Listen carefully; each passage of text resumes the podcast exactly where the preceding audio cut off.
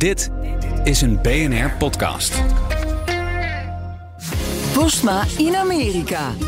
Tijd voor het Amerikaanse nieuws door de ogen van onze correspondent in Washington, Jan Postma. Jan, er was deze week veel aandacht voor president Bidens medische test ja, en dat is normaal gesproken routine. Gebeurt elk jaar, dus is echt niks bijzonders. Maar Biden is natuurlijk met 81 de oudste president ooit. Uh, zijn gezondheid is een onderwerp van discussie, ook voor kiezers. Dus uh, ja, uh, de Amerikaanse media gingen all out. Dit was breaking news op bijvoorbeeld CNN. die meldde het al toen de helikopter nog niet eens was opgestegen naar Walter Reed Hospital. En zeggen dan wel erbij, dit is routine.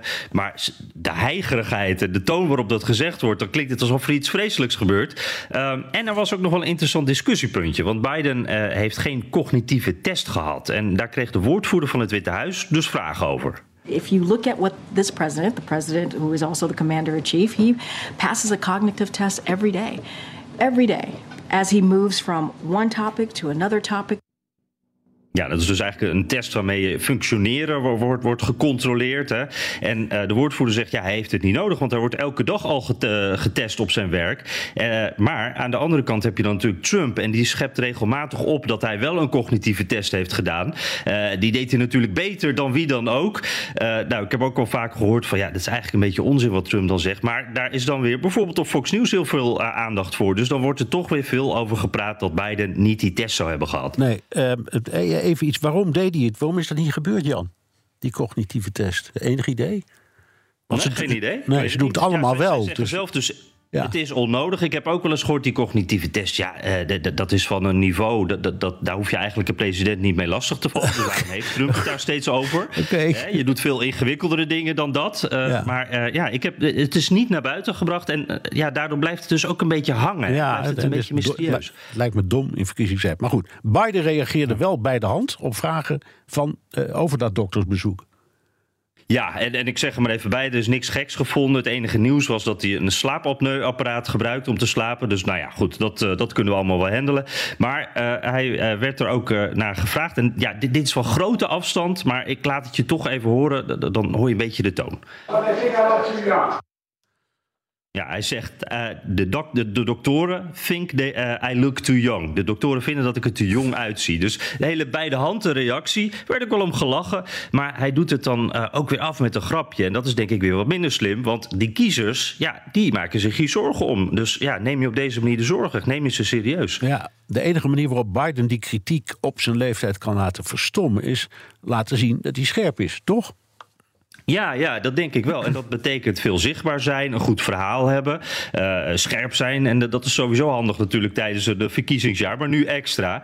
Uh, en Biden die doet juist heel weinig interviews. Uh, bij de Super Bowl bijvoorbeeld, hè, toch zo'n traditioneel moment voor een president, zagen we hem niet. Uh, deze week uh, deed hij wel voor het eerst in lange tijd een tv-interview. En toen koos hij voor een late-night show, dus vriendelijk terrein bij Seth Meyers. Daar was hij tien jaar geleden ook voor als, als eerste gast van die show. En hij gaf daar, vond ik, eindelijk eens ja, wel een goed antwoord op een vraag over zijn leeftijd. You got to take a look at the other guy. He's about as old as I am, but he can't remember his wife's name. Ja. And, uh, number one. Number two, it's about how old your ideas are. Look, I mean... This is a guy who wants to take us back. He wants to take us back on Roe v. Wade. He wants to take us back on a whole range of issues that are 50, 60 years they've been solid American positions. And um, and I really mean this sincerely. The uh, I think it's about about the future.